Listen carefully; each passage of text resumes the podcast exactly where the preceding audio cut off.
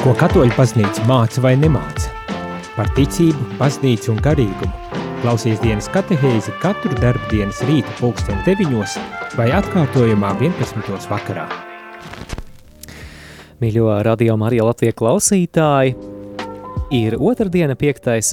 septembris laiks dienas katehēzei, Un mums ir liels prieks, ka šajā jaunajā devītajā radio Marijas sezonā mēs rīta katehēzēs biežāk dzirdēsim arī Liepājas diecēzes bīskapu Viktoru Stulpinu, kuru man ir prieks sveicināt šajā brīdī ēterā, lai ir slavēts Jēzus Kristus. Mūžīgi mūžam. Man arī prieks būt kopā ar tevi un ar radio Marija Latvija klausītājiem. Ekscelence, ēters ir jūsu. Paldies, paldies, mīļš, paldies. Tātad, kā jau Māris teica, e, šajā devītajā sezonā reizi mēnesī, mēneša pirmajās otrdienās, es centīšos ar jums dalīties kādās savās pārdomās, kādā katehēzē, kas, es ceru, noderēs.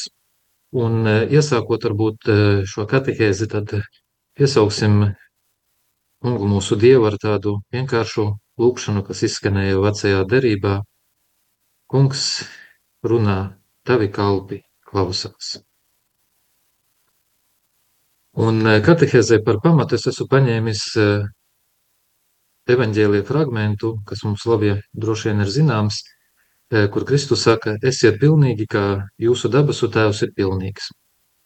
Šo pamudinājumu Jēzus izteica drīz pēc tam, kad viņš mācekļiem un klausītājiem ir atklājis kalna svētības. Tad atklājis pilnības ceļu un arī beigās pamudina visus, lai mēs visi tiecamies pēc pilnības – tā kā mūsu dabasu tēvs ir pilnīgs. Un balstoties tad arī svētajos rakstos, kā arī baznīcas tēvu un teologu darbos, pieredzē, baznīcas mācībā un arī cilvēka saprātā, kā palīgs mums šajā ceļā uz pilnību, ir izveidojusies tāda teoloģiska disciplīna, ko baznīcā sauc par asketiku. Tā ir mācība par kristīgo pilnību, kas apskata līdzekļus un arī vingrinājumus šajā ceļā uz pilnību. Un šīs disciplīnas atziņas nodara gan pašam tiecoties pēc pilnības, gan arī vadot un pavadot citu dvēseles uz pilnību. Pagājušajā nedēļā uh, svētajos rakstos mēs lasījām kādu līdzību, kur Jēzus runā par uh, deviņām, uh, par desmit jaunavām, par piecām gudrajām un piecām negudrajām jaunavām. Runa bija, ka piecas negudrās, gaidot līgavaini, nebija paņēmušas eļļu lampām, un viņas lūdza gudrajām, lai tās iedod arī viņām eļļu. Un kādam varbūt klausoties šo līdzību likās pārsteidzoši tas, ka gudrās jaunavas nepadalījās ar eļļu. Taču tam ir tāds zināms skaidrojums, kas var mums palīdzēt e, saprast, kaut ko būtisku katra cilvēka ceļā uz pilnību. Eļļa ir tas viss labais, likumiskais, ko cilvēks sadarbojoties ar Dieva žēlastību ir iemantojis, un pēc kā Dievs, teiksim tā, atpazīs savus uzticīgos kalpus. Un šo labo likumisko nevar tā otram atdot. To nevar kā vienu datora programmu no viena datora pārlikt otrā datorā. Katram pilnības ceļā ir jāiegūda arī savas pūles, un askētika ir tā, kas, kā jau teicu, parāda līdzekļus un vingrinājumu šajā ceļā, e, kā mums e, šis ceļš ir jānoiet. Un pirmais jautājums varētu būt par to, kas tad ir pilnīgs. Kā mēs zinām, pilnīgs ir tas, kuram nekā netrūkst, un Tas, kā mums atklāja svētie raksti, ir vienīgi Dievs, kurš ir pilnīga būtne. Cilvēks, kā radība, tiecas pēc pilnības un tomēr to sasniedz tikai zināmā līmenī. Kristīgajā pilnībā, kā to atgādina Kristus saviem laika biedriem un mums evaņģēlijā, visizcilākā vieta ir Dievam tuvākā mīlestībai. Arī šeit varētu teikt, ka kādam šis formulējums varētu šķist tāds pārāk vispārīgs. Bet, ja konkrētāk, tad vienkāršiem vārdiem runājot, kristīgā pilnība nozīmē vispirms sasniegt pēc iespējas lielāku likumisko līdzību ar Dievu. kā mēs jau to dzirdējam Jēzus pamudinājumā, kas tika citēts sākumā – esiet pilnīgi, kā jūsu debesu tēvs ir pilnīgs. Otrakārt, e, pilnība nozīmē vispilnīgāk izpildīt Dieva gribu. To labi attēlo arī Kristus, kad viņš e, atbild uz jautājumiem, uz jautājumu, e, vai viņš atbild uz tādu izsaucienu no tautas, ka svētīgas ir tās miesas, kas tevi nesē un krūtis, kas tevi zīdīja. Un toreiz viņš atbild, mana māte un mani brāļi ir tie, kas Dieva vārdu klausās un to izpilda. Tātad Jēzus parādā, ka ne tikai radniecība ir svarīga, bet ir svarīgi arī izpildīt Dieva gribu, un kas to izpilda, tas ir patiesi Jēzus brālis, māsa un pat māte. Un trešais, pilnība nozīmē iespējami pilnīgāku vienotību ar Dievu. Un pats Jēzus šeit mums ir kā paraugs. Jāņa evaņģēlijā viņš saka, es un tēvs esam viens. Tajā brīdī Jēzus runā, ka viņš ir labais gans, ka visas avis, kas viņam ir, tās ir devis viņam tēvs, un neviens tās neizraus no viņa rokas. Arī augstā priestara lūkšanā tajā pašā Jāņa evaņģēlijā mēs lasām, lai visi būtu vienoti kā tu tēvs manī un es tevī, un lai viņi būtu mūsos vienoti es viņos un tu manī, lai viņi būtu pilnīga vienībā. Ceturtkārt, pilnība nozīmē kļūt par uzticīgu Kristus sekotāju. Evanģēlijā lasām, ja kas man seko, tas lai, ja kas man kalpo, tas lai seko man, un kura esmu es, tur būs arī mans kalps. Piektkārt, pilnība nozīmē arī savā dzīvē iedzīvināt svēto paraugus, kur ir bijuši Kristus atdarinātāji, kur ir bijuši viņa sekotāji. Apustulis Jēkabs, kuru Kristus e, aicināja būt par e, apustuli, saka, brāļi, neveiksmēs, ciešanās un pacietībā neņemiet priekšzīmi no praviešiem, kas runāja kunga vārdā. Lūk, mēs teicam svētīgus tos, kas izcietuši. Jūs dzirdējāt par Ieba pacietību un redzējāt, kāds bija kunga galamērķis, jo kungs ir žēlsirdīgs un apžēlotājs. Tātad apustulis Jākabs norāda uz praviešiem, kas ir bijuši kā paraugs sava laika ticīgajiem, kas ir arī kā paraugs mūsdienām un vēl vairāk. Viņš tādu pavisam, tā varētu teikt, mums tuvu eh, personāžu piemin Ievu, kurš arī izgāja grūtu ceļu, izgāja pilnības ceļu, un piedzīvoja kunga žēlsirdību un apžēlošanu. Arī apustulis Pāvils runā par žēlastības dāvanām, par to pareizu izpratni un līdzdarbību tām, un noslēgumā saka, brāļi, centieties pēc labākām žēlastībām, un pie tā es jums rādu ceļ, uh, cēlāku ceļu. Tātad apustulis Pāvils pats parāda cēl, cēlāku ceļu, Un šis tālākais ceļš, ko viņš parāda, sako tālāk, kad viņš runā un apdzied mīlestību tādā īpašā himnā, kas ir 1. korintiešu vēstules 13. nodaļā.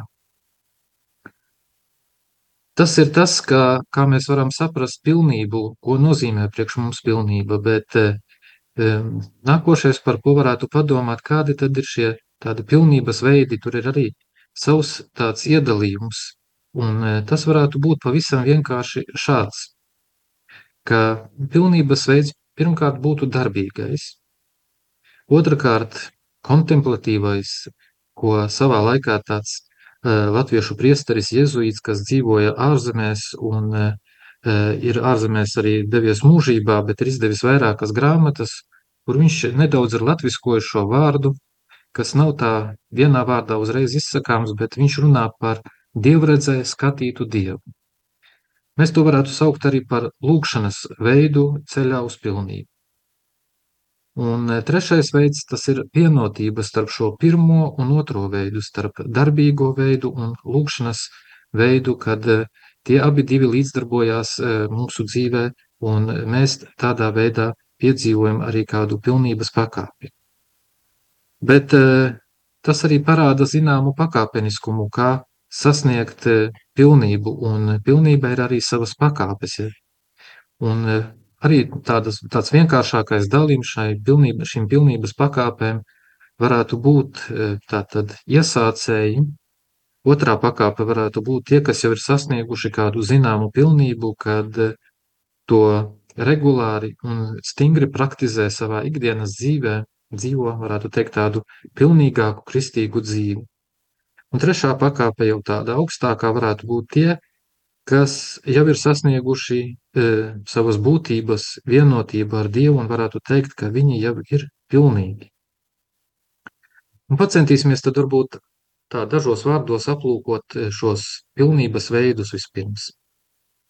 Tātad darbīgais pilnības veids. Šis pilnības veids e, vairāk attiektos uz cilvēka laicīgo dzīvi, uz ikdienas dzīves sakārtošanu. Šajā pilnības veidā cilvēks vispirms dara to, kas ir nepieciešams. Viņš izpilda savus pienākumus, dara to pēc labākās sirdsapziņas, ir čakls, bez kūtruma, cenšas būt punktuāls, nepamet darbus pusdarītus, bet zina arī visam mēru un spēja labi saplānot savu laiku. Izvairās no pārpūlēšanās, paredz laiku arī atpūtai, neaizmirst arī par ticīga cilvēka pienākumiem. Labi un racionāli saplānotais laiks ietaupa laiku lūkšanai, un nekad viņš lūkšanu neizlaiž. Jo laba lūkšana dod impulsu arī labam darbam. Un šeit kā paraugu mēs varētu atrast arī svētajos rakstos eh, kādu sievieti eh, vārdā Martu, kas ir eh, Jēzum draudzīgās ģimenes locekle, kuras māsa Marija un brālis Lāzars arī e, mums sniedz kādu zināmu paraugu. Un Marta, kā mēs zinām, bija šī darbīgā sieviete, darbīgā, kas uzņēma Jēzu un rūpējās par cienastu, un kādā brīdī varbūt e, tā kā drusku e, aizvainojās uz savu māsu vai, vai nesaprata savu māsu uzreiz un gribēja, lai arī māsa viņai palīdz. Un Jēzus nenosoda šo sievieti, nenosoda Martu par to, ka viņa lūdz, e, lai Mar Marija palīdz viņai, bet e, viņš tikai atgādina, kas ir labākā daļa, un šī labākā daļa tad ir tas, par ko runāsim tālāk. Tā ir šī lūkšanas, e, tas ir šis lūkšanas veids, jeb kontemplatīvais pilnības veids. Šis veids tā tad ir tieši saistīts ar Dievu. Šī veida galvenais mērķis ir dvēseles izkopšana. Lūkšana šeit ir saprotama tādā plašākā nozīmē. Tā vairs nav tikai kādu zināmu e, lūkšanu skaitīšana, te pienāk klāt arī garīgā lasīšana. Tā veicina dvēseles garīgo izaugsmu. Tā veicina dvēseles pilnveidošanos. Dzīvais Dieva vārds lasāmajā tekstā ir spēcīgs līdzeklis, kas virza dvēseli uz tuvināšanos Dievam. Un nevelti tad arī e, šis jau pieminētais priesteris, e, jezuītu priesteris Cirsis savā laikā e, varbūt mēģināja latviskot šo vārdu, ka tas nozīmē, ka mēs lasot šo Dieva vārdu jau skatām pašu Dievu. Tas nozīmē Dievredzē skatīts Dievs. Bet arī svētais Ignācijas, kas ir jezuītu dibinātājs, arī viņš, atceramies viņa dzīves stāstu, arī viņš savā laikā, kamēr bija vēl karavīrs līdz ievainojumam, biežāk lasīja bruņinieku romānus, bet tie tā īslaicīgi tikai viņu uzrunāja, bet tad, kad viņš viņam beidzās lasām viela, viņš sāka lasīt svēto un Jēzus dzīves aprakstus, tad mēs redzam, kā tas pārveidoja viņa dzīvi, ka tas vadīja viņa dzīvi tā, ka viņš kļuva par izcilu svēto, kas arī citiem palīdzēja ceļā uz garīgo pilnību. Pati par sevi kontemplatīvā dzīve ir vērtīgāka par darbīgo dzīvi, un to tad arī norāda jau minētie Jēzus vārdi Martai, ka Marija sev izvēlējās šo labāko daļu. Kontemplatīvā pilnība neizslēdz ikdienas dzīves pienākumu pildīšanu, bet tā iedot šim e, ikdienas pienākumiem jaunu jēgu, dziļāku jēgu un palīdz tos izpildīt arī jau minētā svētā Ignācijā devīzes vadītiem, ka mēs to visu darām lielākam Dieva godam. Un visbeidzot, arī šis vienotais pilnības veids šajā veidā tiek panākts tāds līdzsvars starp darbīgumu un lūkšanu. Lūkšana labvēlīgi ietekmē darbu, un darbs labvēlīgi ietekmē arī lūkšanu. Lūkšanas dzīvē jābūt pilnīgai, bet tikpat labi arī darbībai ir jāatbilst visiem darbīgās dzīves noteikumiem. Tā kā daudzi no klausītājiem ir cilvēki, kas ir iesaistījušies dažādos darbos, kuriem ir dažādi pienākumi, kuri droši vien arī kalpo savās draudzēs un ne tikai, un grib iet pilnības ceļu un domā, kurš varētu būt mans veids, lai, vai kurā e, patreiz esmu es, tad es vēlos teikt, ka uh, lielākajai daļai no mums būtu jāvingrinās un jācenšas tieši pēc šī vienotā veida, kad lūkšana un darbība iekļaujas viena otrā. Darbību pavada dažādi lūkšanas veidi, Un e, te vēlos kārtēreiz varbūt atgādināt to, ko jau nevienreiz vien esmu runājis arī radio Marija ēterā, ka mums daudzkārt mūsu ikdienas dzīvē ir jāpievēršās tādām īsām mirkļa lūkšanām, ko sauc arī par šautru lūkšanu, kad e, nav vajadzīgi daudzi vārdi, bet tas ir mūsu sirds un prāta sauciens uz Dievu kādā konkrētā situācijā, kad varbūt e, mēs esam nonākuši kādās grūtībās vai kad vēlamies par kaut ko Dievam pateikties, ka kāds labs darbs ir padarīts, tad tādā veidā mēs varam arī mūsu darbīgo dzīvesveidu savienot ar šo kontemplatīvo, jeb lūkšanas dzīvesveidu. Un, protams, tas neizslēdz, ka mums ir jāieplāno mūsu ikdienas dzīvē arī laiks kādai garīgai lasīšanai, kādam varbūt klusuma brīdim, kad eh, mēs varam pavadīt eh, tādā vienotībā ar Dievu, vienkārši esot viņa klātbūtnē. Protams, e, šādu triju veidu izvērtējums ir tīri teorētisks, bet tas var iedot virzienu mūsu centieniem, mūsu dzīves izvērtēšanai un apzināties, kādā situācijā mēs atrodamies. Bet Dieva priekšā, ja tā var teikt, augstāk nostāsies tas, kas būs svētāk un pilnīgāk izpildīs viņa gribu. Tādi ir šie trīs pilnības veidi, pēc kuriem mēs varam tiekties un kas e, tiešām e, mūs padara par patiesi ticīgākiem, uzticīgākiem kristumu cilvēkiem, kas palīdz iet šo pilnības ceļu un e, pilnība tas arī ne tikai nozīmē, ka mēs esam kļuvuši svētāki, bet tas, kā jau Kalna sprediķī Kristus atgādināja, tas nozīmē arī laimi, ka cilvēks tad ir laimīgs, viņš ir svētīgs. Tālāk centīsimies pāriet pie šīm pilnības pakāpēm. Pilnības sasniegšanai, pilnības sasniegšana tas ir tāds ilgstošs darbs. Tas nav tā, ka ar kādu vienu, e, vienu vienīgu reizi mēs varam uzreiz e, sasniegt pilnību, ar vienu vienīgu grēksūdzi mēs varam kļūt svēti, ar vienu vienīgu svēto komuniju mēs jau dzīvosim debesīs. Kā jau tika minēts, šajā darbā cilvēks sasniedz zināmas pakāpes, un vispirms šajā ceļā mēs esam kā iesācēji, kā jebkurā citā lietā visam ir jāaiziet šis iesākuma ceļš, iesācēja ceļš, kur mēs mācamies, kur mēs vēl tikai cenšamies uzveikt to, kas e, ir pats pats nepilnīgākais mūsos. Un e, tad tas, kurš jau ir iepraktizējies kristīgā dzīvē, sasniedz kaut kādu zināmu pilnību, viņš nonāk jau pie nākošā posma, kad ir jācenšas iet tālāk, kad ir jācenšas izvairīties e, no lielāka ļaunuma vai jācenšas pēc lielāka svētuma. Līdz beidzot nonāk tas, kurš jau ir sasniedzis pašu augstāko kristīgās dzīves pakāpi, proti, kurš e, dzīvo tādā ciešākā vienotībā ar Dievu un jau praktizē to, kas ir pat pārāks par parasto labo, ko var teiksim, paveikt tas, kurš ir iesācējis, tas, kurš ir šī otrajā uh, pilnības pakāpē, kad viņš cenšas aizvien vairāk un vairāk praktizēt kristīgo dzīves ceļu. Un uh, iesācēja ceļš, tad, uh, saku, runājot par to, ir jāsaka, ka raksturīgākais šajā ceļā tā ir izsargāšanās no nāvīgiem grēkiem.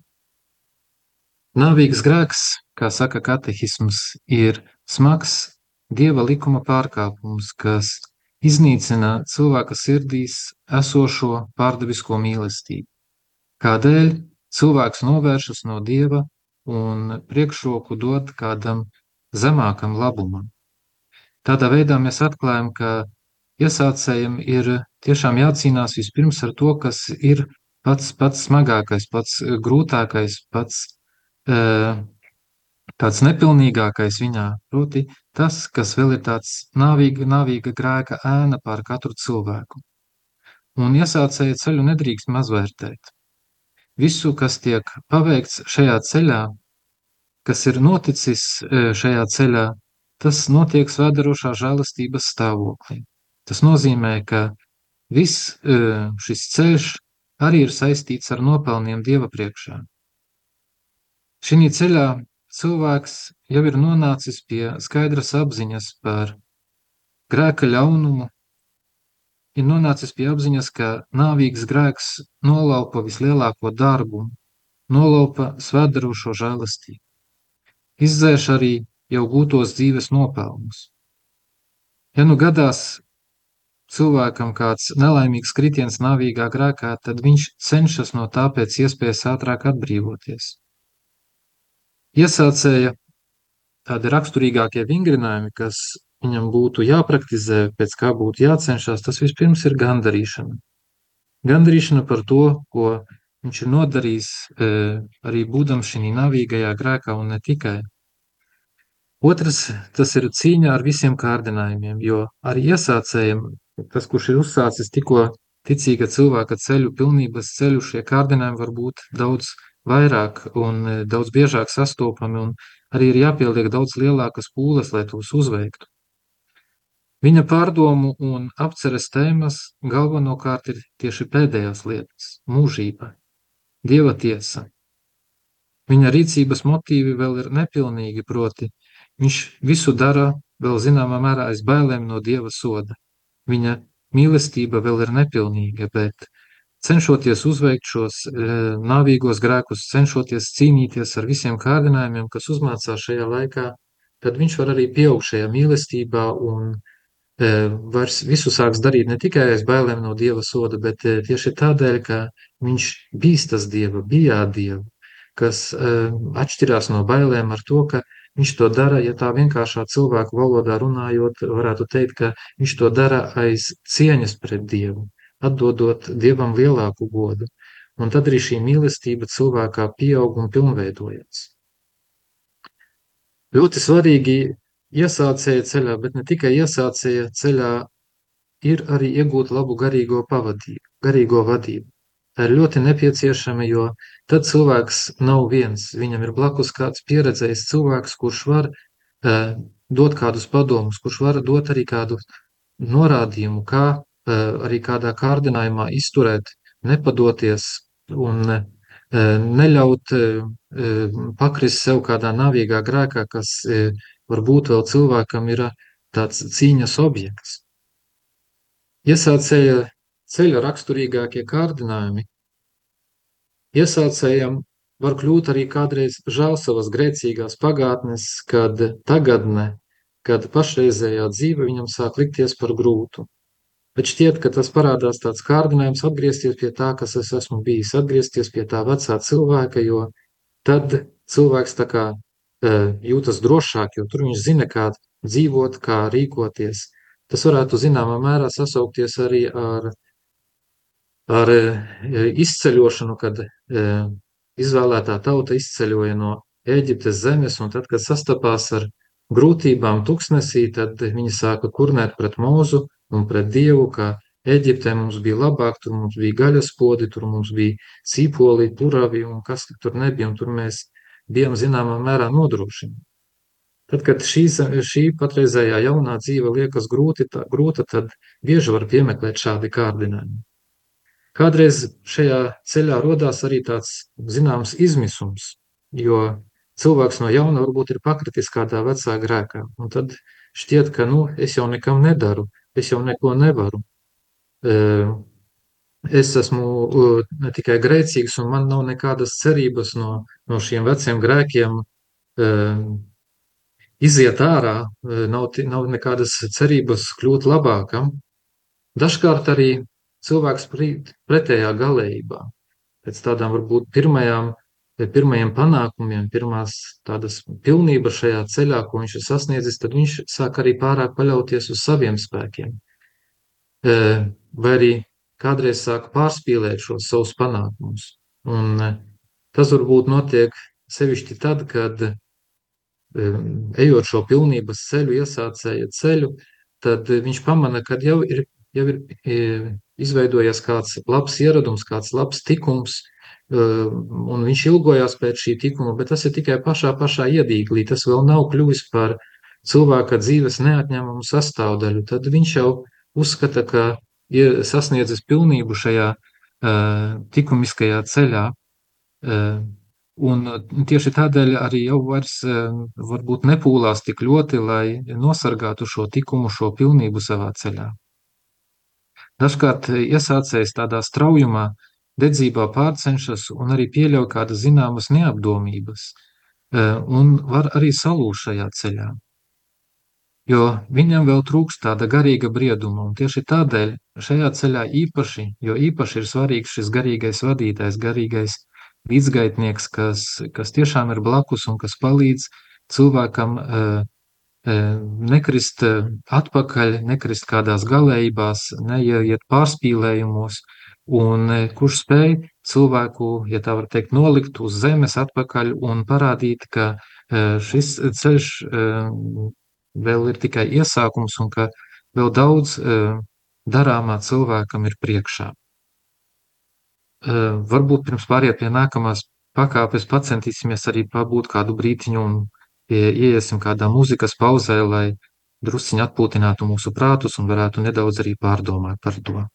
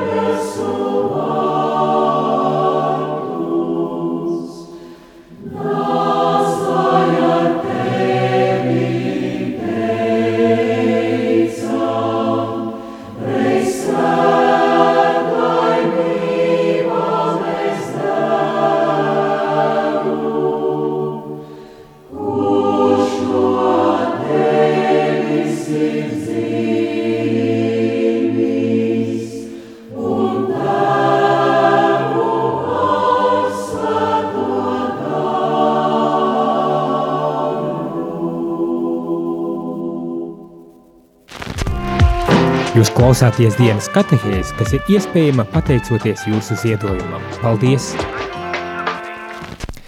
Mīļie radio klausītāji, šodien rīta katehēzi vada Liepājas diecēzes bīskaps Viktors Stulpins, un pirms mēs atkal dodam vārdu bīskapam, vēlos atgādināt kontaktinformāciju, kā ar studiju vari sazināties, ja tev ir kāds komentārs vai jautājums pīskapam par nu pat dzirdēto. Numurs jūsu telefona zvaniem ir 67 969 131. Savukārt īziņas un WhatsApp ziņas sūtiet uz numuru 266 77 272. Bet tagad turpinām katehēzi.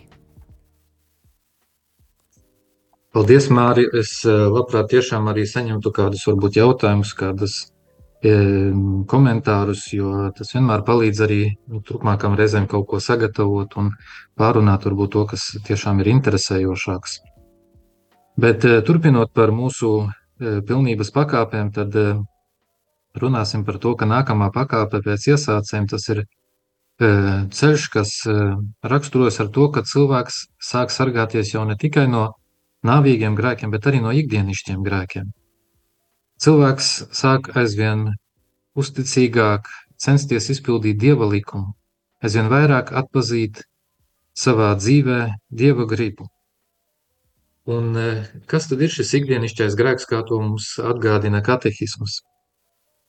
Ikdienišķais grēks, no kā sargās cilvēks šajā ceļā, neiznīcina mīlestību pavisam, kaut arī to apvaino un ievaino.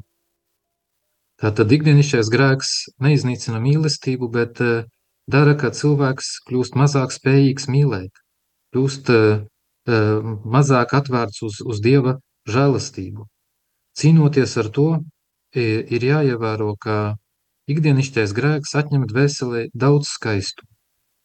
Tas traucē tādu īstu sirdsmieru un prieku. Kādreiz runājot par ikdienišķo grēku, liekas, tas bija svētais Augustīns, kas teica, ka nu, mēs nedrīkstam mazvērtēt šos ikdienišķos grēkus, jo šie ikdienišķie grēki reizēm ir kā tāds mazs e, graudiņš. Liekas, pats par sevi viņš neko nesver liekas, varbūt tāda liela smaguma viņam nav, bet tad, kad mēs šos graudiņus savācam lielā daudzumā, tie savācās maisā un tie jau kļūst par smagumu. Un tad, tad tas var kļūt arī par tādu lielu, lielu traucēkli cilvēkam garīgā izaugsmē. Ikdienišķais grēks tikumiem ir tas pats, kas rūsa metālam. Tātad tas sagrauž arī to mūsu likumisko dzīvi. Tas neļauj vairs saglabāt tādu stingrību, kā metālam ir nepieciešams, kas metālam ir nepieciešams, jo rūsa to maz pamazām sēd. Ja mēs to neattīram, ja nenoņemam to nost, ja ne, neatgriežam metālam tā stingrību, tāpat arī ar ikdienišķo grēku mēs atņemam dvēselē tādu spēju cīnīties pret grēku, spēju cīnīties pret ļaunumu. Un tas panāk tiešām šo žēlastības samazināšanos un arī nopelnus padara mazvērtīgākus. Un kā jau minēju, bieži atkārtotie ikdienišķie grēki ne tikai kļūst paši par sevi tādu lielu smagumu, bet tie sagatavo arī ceļu nāvīgam grēkam. Tie dvēseli padara mazāk spējīgu pretoties kārdinājumam.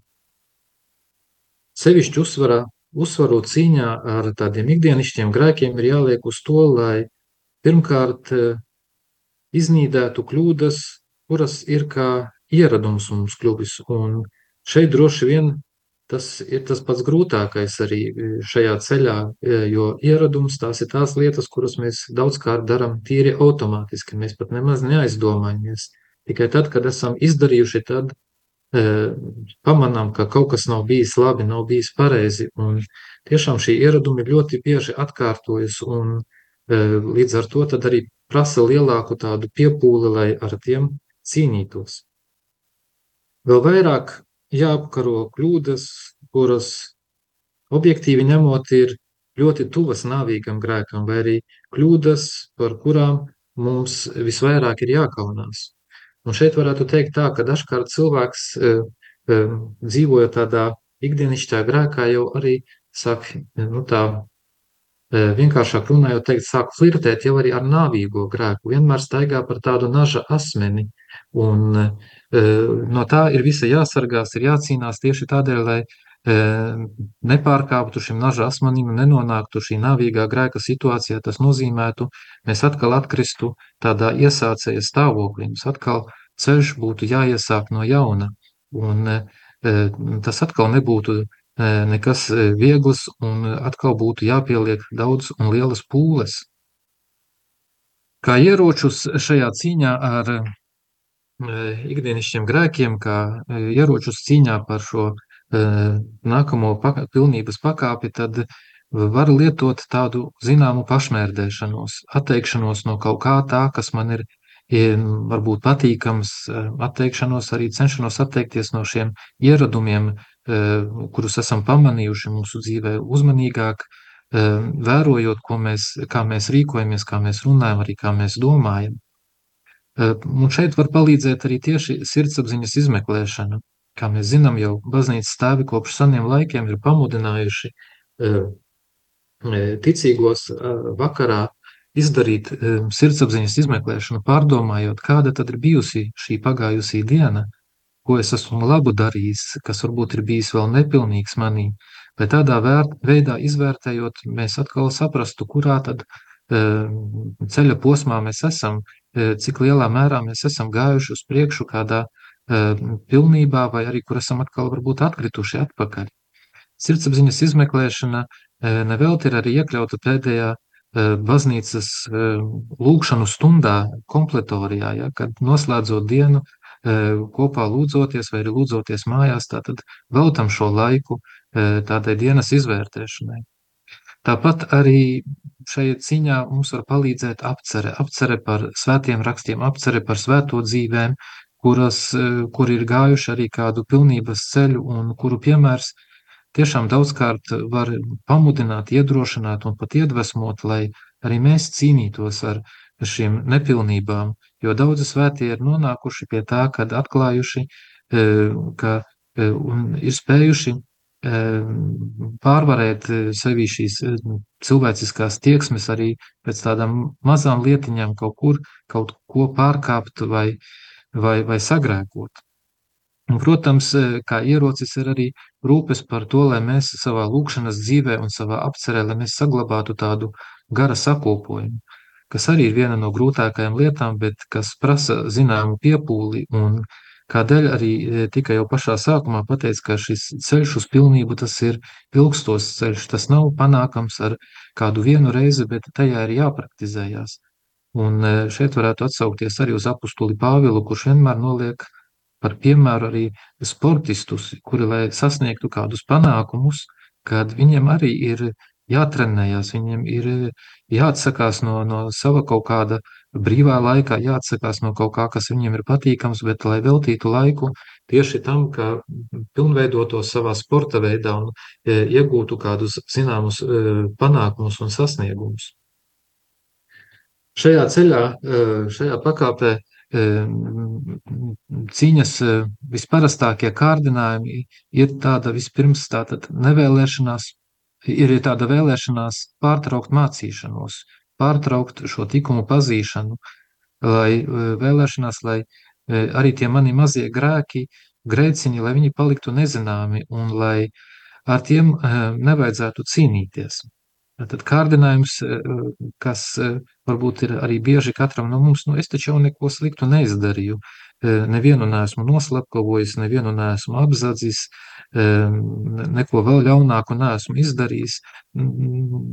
Biežāk varbūt arī tāds attaisnums, ka nu, visi jau tā dzīvo.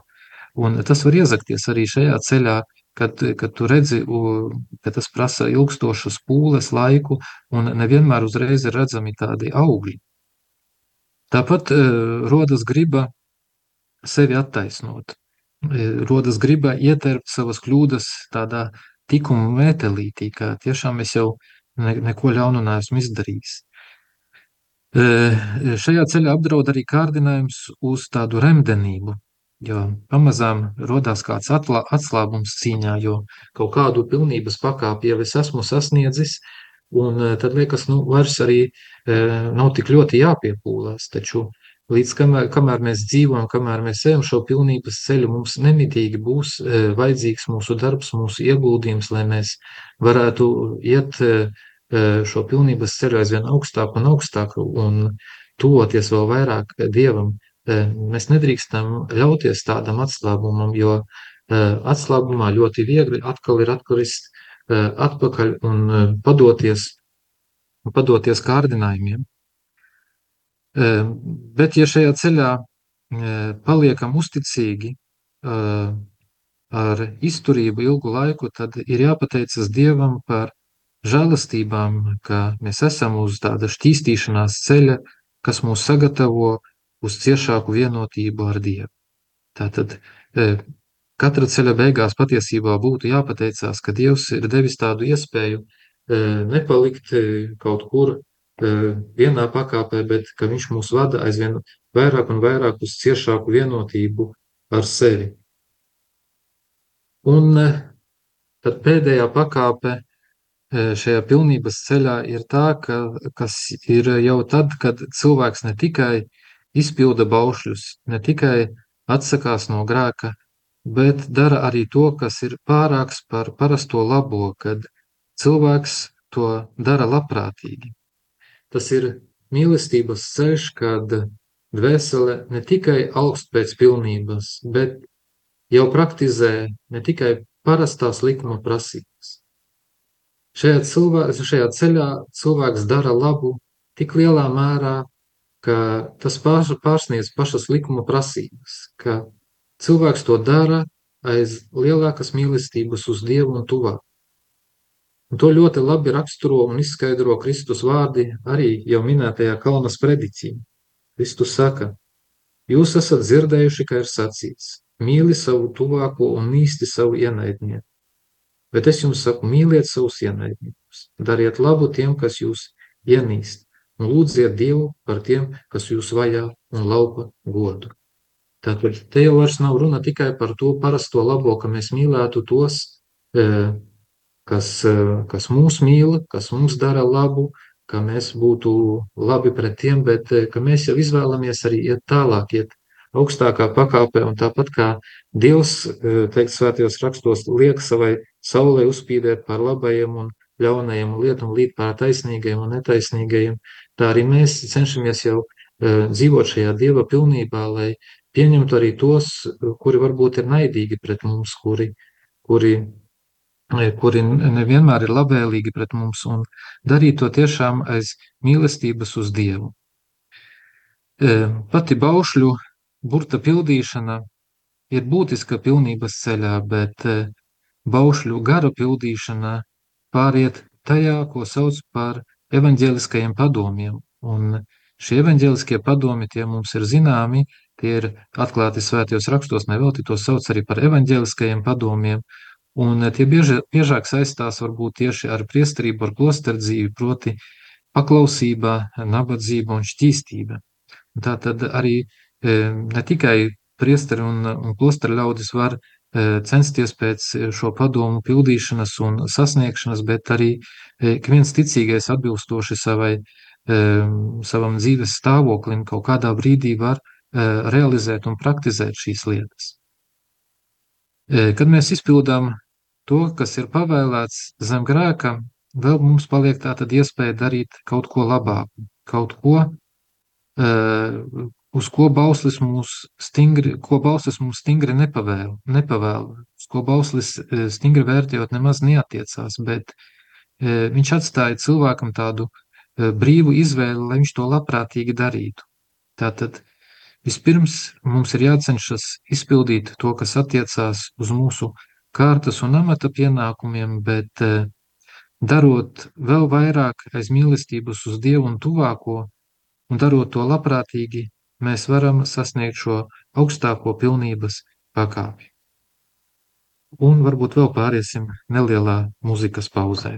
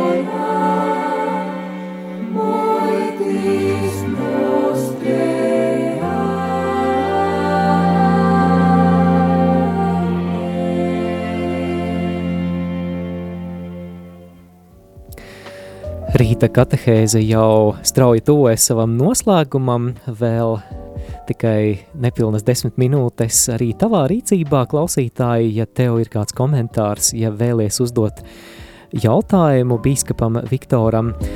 Paldies Inārai, kura ir uzrakstījusi īziņu, lai ir slavēts Jēzus Kristus. Paldies par izglītojošo katehēzi, lai Dievs aizmaksā un Ināra arī piebilst, ka viņai šie otrdienu rīti būs kā mācību stunda šajā sezonā, lūk, šāda atsauksme. Vārds eh, jums bija. Paldies, jā, paldies par atsauksmi. Es ceru, ka tā būs. Es eh, nezinu, kā vēl tas mums izskatīsies, bet es ceru, ka tiešām kādam tas noderēs un varbūt kaut kur palīdzēs kādā eh, garīgā izaugsmē. Un tad Noslēgumā, pirms vēl varbūt pāriesim pie nākotnē, tā, tālākās programmas radio, tad gribu tikai pastāstīt varbūt par īsi par dažiem tādiem pilnības sasniegšanas līdzekļiem, jo var runāt varbūt daudz par to, kas tas ir, kā tas ir, bet, bet kā, šo, kā iet uz šo pilnību, tad es domāju, arī ir svarīgi zināt varbūt tos dažus līdzekļus un patiesībā, lai arī cik varbūt kādam šķistu, ka nu, tas ir kaut kas ļoti sarežģīts, eh, ļoti gudrs, tas nav priekš manis un, un tā. Tad tomēr es gribu pateikt, ka tā nemaz nav. Es domāju, ka daudzkārt šie līdzekļi mums tieši ir pavisam pie rokas, blakus. Mums tikai viņus ir jāmāk pamanīt un izmantot. Un patiesībā pat arī ne tik daudz pamanīt, vienkārši tikai atcerēties, ka tie tiešām mums ir. Un pilnības sasniegšanā tad ir vispirms tas, kurš darbojas, tas ir Dievs. Un cilvēks viņam līdzdarbojas. Dieva un cilvēka darbība apvienojas kopējā sadarbībā, tādēļ šos līdzekļus mēs varam iedalīt arī tieši tā pavisam vienkārši - dievišķajos un cilvēciskajos. Galvenais darba lauks, kur norisinās gan dieva, gan cilvēka darbība, ir paša cilvēka dvēsele un tās spējas, prāts, griba, bet nav izslēgtas arī miesa, jūtekliskās atziņas un tieksmes. Un dievišķie līdzekļi e, šajā e, pilnības ceļā ir vispirms svēdarošā žēlastība, ar kuru Dievs apdāvina cilvēku. Tāpat tie ir ielietie tikumi, kuri mums, e, kurus mums Dievs dāvā vispirms jau arī tieši caur kristību un caur citiem sakramentiem. Tātad šie tikumi ir ticība, cerība un mīlestība, bet arī apdomība, taisnīgums, stiprums, mērenība. Bez tikumiem, sevišķi iestiprināšanas sakramentā, mēs arī saņemam uh, uh, svētā gara dāvanas, kuras arī mums var palīdzēt, uh, ejot šo pilnības ceļu, kas palīdz varbūt atrast arī pareizos veidus, līdzekļus un palīdz arī mūsu ceļa atpazīšanā. Tātad tās ir svētā gara dāvanas, kuras, kuras darbojas mūsos tad, kad mēs saņemam iestiprināšanas sakramentu jau īpašā veidā. Proti tas ir gudrība, saprāts, padoma dāvana, zināšanu dāvana, drosme, dievbība un dieva bijāšana. Bet bez tā Dievs vēl cilvēkiem dāvā arī tādu saucamo palīga žēlastību, kas ir nepieciešama kādās konkrētās dzīves situācijās, kad cilvēks varbūt ir nonācis īpašā vajadzībā un ir nepieciešama kāda īpaša izšķiršana, īpaša atpazīšana. Dažkārt Dievs dāvā arī kādas dievišķas atklāsmes, atklāsmes, kad tieši mēs tiekam pamudināti jau no Dieva puses uz konkrētu rīcību, uz konkrētu darbību, lai ietu pilnības ceļā.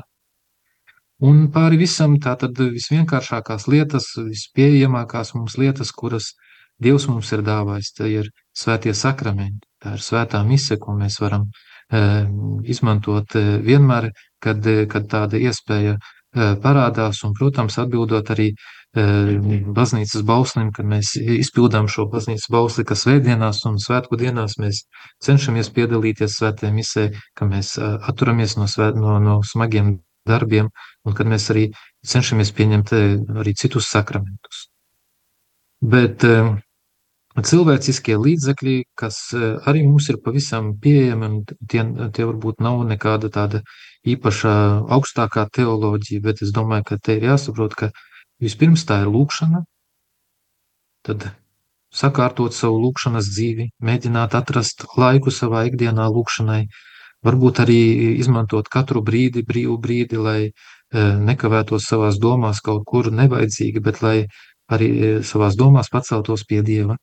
Tad jau uh, cilvēciskais līdzeklis arī tas, ka es sakārtoju tiešām to savu laiku un es piedalos tajā svētajā misē. Es ne tikai zinu, ka tāds līdzeklis man ir dots, bet es tiešām uh, reāli kaut ko daru no savas puses, arī iegūdu kādreiz kādu zināmu piepūli, jo bieži vien var pamanīt starp cilvēkiem tādu tendenci, ka tie, kas dzīvo vis tālāk no baznīcas, tie biežāk piedalās svētajā misē. Protams, jau minēta arī sakramentu saņemšana, tātad regulāra grēksūdze, regulāra svētā komunija arī ir tie paši cilvēciskie līdzekļi, kuros, kurus mēs ar savu līdzdarbību, ar savu piedalīšanos izmantojam, tādā veidā nostiprinot savu izaugsmi. Arī minētā sirdsapziņas izmeklēšana, tas ir arī līdzeklis, kas palīdz izaugt garīgi cilvēkam un iet pilnības ceļu. Tāpat ir jācenšas ļoti, ļoti ieklausīties labajās iedvesmās un pamudinājumos, kas bieži vien dzimst mūsu sirdī un prātā. Jo tik daudzkārt varbūt mēs sajūtam kādu pamudinājumu, bet nobīstamies un varbūt domājam, ko citi par mums padomās, kad es tā vai citādāk rīkošos, bet ja mēs esam sapratuši, ka tas ir tāds labs pamudinājums no Dieva, kāda svētā gara iedvesma, tad ir jācenšas arī tai atbildēt, jācenšas nebūt kūtram, nenobīties, lūgt, lai Dievs dāvā arī to drosmi, caur svēto garu un gudrību to, to labo iedvesmu realizēt. Tāpat aizvien ir jācenšas cīnīties ar visiem kārdinājumiem. Tā ir tiešām cīņa, kas mūs pavadīs laikam visas mūsu dzīves garumā, jo arī katrā savā tanī pilnības pakāpē ir savi kārdinājumi, ar kuriem ir jācīnās un kas nemitīgi mūs pavada. Jācenšas papildināt savas garīgās zināšanas un jācenšas piekopt citas garīgās prakses, uz ko mūs pamudina baznīca. Un es domāju, ka mēs varam būt pateicīgi Dievam arī, ka mums tagad ir pieejama garīgā literatūra, kuru mēs varam lasīt, kuru mēs varam uh, iegūt zināšanas par daudziem garīgiem jautājumiem, kur mēs varam arī lasīt par svēto dzīves, uh, par svēto dzīvēm, kas iedvesmo un pamudina dzīvot garīgi, kā arī uh, ieklausīties tajos pamudinājumos, kas izskan baznīcā, varbūt, kad tiek aicināti uz kādu gavēni, kad tiek aicināti uz kādu īpašu lūkšanu, uz kādu slavēšanu, uz kaut kādu e, kopīgu tikšanos, kurā e, cilvēks var iegūt sev priekš sevis kādu tādu garīgu stiprinājumu un pamatu savai ikdienas dzīvē. Un kā jau teicu, varbūt kādam e, arī tas nelikās nekas jauns, kas tika runāts šajā katehēzē, bet, kā jau senie romieši teica, tad atkārtošana tā vienmēr ir zināšanu māte, un es domāju, ka tas vienmēr var būt noderīgi un gribu pamudināt tikai arī mūs visus neļauties kādam tādam garīgam atslābumam, bet tiešām tiekties pēc šīs garīgās pilnības, tiekties pēc tuvības, lielākas tuvības ar Dievu un lai Dievs tiešām svētī mūs šajā ceļā, lai Viņš dāvā mums aizvien vairāk savas žēlastības, ka mēs e, varētu piedzīvot tādu patiesu prieku par to, ka esam Dieva klātbūtnē. Tāda bija šī rīta katehēze. Es nezinu, varbūt tur vēl kāds jautājums vai kāda, kāds komentārs ir aizķēries, Māri. No klausītāja puses nav jautājuma, bet es izmantošu izdevību un es klausoties šajā, manuprāt, ļoti vērtīgajā un praktiskajā katehēzē aizdomājos par mūsu temperamenta lomu, mūsu nosliecēs arī garīgajā dzīvē, varbūt kādi no mums ir introverti un vairāk tendēti uz eh, arī jūsu minēto mm, eh, kontemplatīvo pilnības veidu, varbūt eh, ekstravertāki klausītāji ir vairāk tendēti uz darbīgo pilnības veidu, vai kā jums šķiet, vai mūsu tās dabiskās psiholoģiskās noslieces arī mums var kaut ko parādīt mūsu garīgajā dzīvē uz mūsu plusiem, mīnusiem, vai kur mums ir jāpievērš uzmanība? Es domāju, ka jā, jo tas, tas ir varbūt tiešām tas ir tas Martas un Marijas piemērs, ka Jēzus mm. pirmkārt nenosoda nevienu un, un neizceļ pārāk nevienu. Viņš pasaka, jā, Marija izvēlējās labāko daļu, bet tomēr viņš nepateica, Marta, fuj, fuj, tu, ne, tu tas, ko tu dari, tas nav vajadzīgs nemaz, jā. Nē, un es domāju, ka tiešām tas ir svarīgi atpazīt, un, kā jau es arī minēju, katram savā vietā censties to izpildīt tik cik mēs varam, censties aizvien vairāk savienot eh, gan to darbīgo, gan garīgo. Jo nu, es nedomāju, ka cilvēks pat, ja viņš ir introverts, tad viņam nu, nekāda darbība nenotiek. Ja? Viņam tāpat viņam ir kaut kāda sava, sava darbošanās, eh, tur, kur viņš strādā, tur, kur viņš kalpo. Viņš pilda kādus, kādus pienākumus, un arī, tātad, uh, arī savā klusībā, arī savā tādā noslēgtībā viņš var šos pienākumus tiešām veltīt tā, ka es to daru lielākam dieva godam. Ja? Un kāds var būt tieši ar to, ka viņš varbūt arī, nu, e, runājot, starp citu, aglonā runājot ar, ar bijušā prezidenta sievu, tad mēs tā runājam, un viņa arī tā minēja, saka, ka mēs runājam par labo un ļauno, ka ļaunais tas ir tāds kā īlens maisā, viņš vienmēr no visurienes izlīdīs, bet labais biežāk ir kautrīgs. Viņš nevienmēr uzreiz tā parādās, un tad viņa teica, saka, jā, bet, ziniet, mana pieredze ir tāda, ka, ja mēs kaut ko esam labi izdarījuši, tad nevajag tomēr baidīties par to arī pateikt pārējiem cilvēkiem. Jo mūsdienu pasaulē mēs redzam, ka tā, tā, tā komentāru kultūra, ka viņa ir pārvērtusies par tādu kritizēšanas kultūru. Ja? Tā nav nekas labs. Un viņa saka, tieši tādēļ, e, saka, mēs izdarījām kaut ko labu, mēs uzreiz sarīkojam nelielu preses konferenci. Varbūt ne uzreiz katru reizi mums jārīko katram ir preses konference, ja? bet zināmā mērā arī padalīties ar to, kas ir labs bijis. Jā, un es domāju, tādā veidā arī tas var palīdzēt cilvēkam augt, jo viņš eh, redz, ka tas ir palīdzējis kādam, ka tas arī kādu ir varbūt pamudinājis kaut ko labu darīt, un tas labais arī tad iet plašumā. Es domāju, ka tas tādā veidā varētu būt. Vienalga, kāds mums ir tas mūsu temperaments. Eh, to visu, to visu mēs esam saņēmuši no Dieva, un tam visam ir jākalpo lielākam Dieva godam. Ekscelence, paldies! Es un esmu pārliecināts, ka mūsu klausītāji gaidīsim arī jūsu nākamo katehēzi, bet eh, klausītājiem atgādinu, ka šajā rītā dienas katehēzē kopā ar mums bija Liepājas diecēzes bīskaps Viktors Stulpins, un eh, arī vēlos atgādināt, ka jau pulksten piecos šovakar būs raidījums saruna ar bīskapu, kurā būs iespēja arī iztaujāt bīskapu Viktoru par to, kas šobrīd aktuāls gan Latvijā, gan baznīcā. To klausāmies pulksten piecos. Ekscelence, lai svētīgs šīs dienas turpinājums un paldies par kopā. Paldies būšanu. un tiksimies pēcpusdienā, ja? Jā. Izskanēja dienas katehēs. Ja šī katehēze tev šķita vērtīga, tad atbalsti ziedojot. Paldies!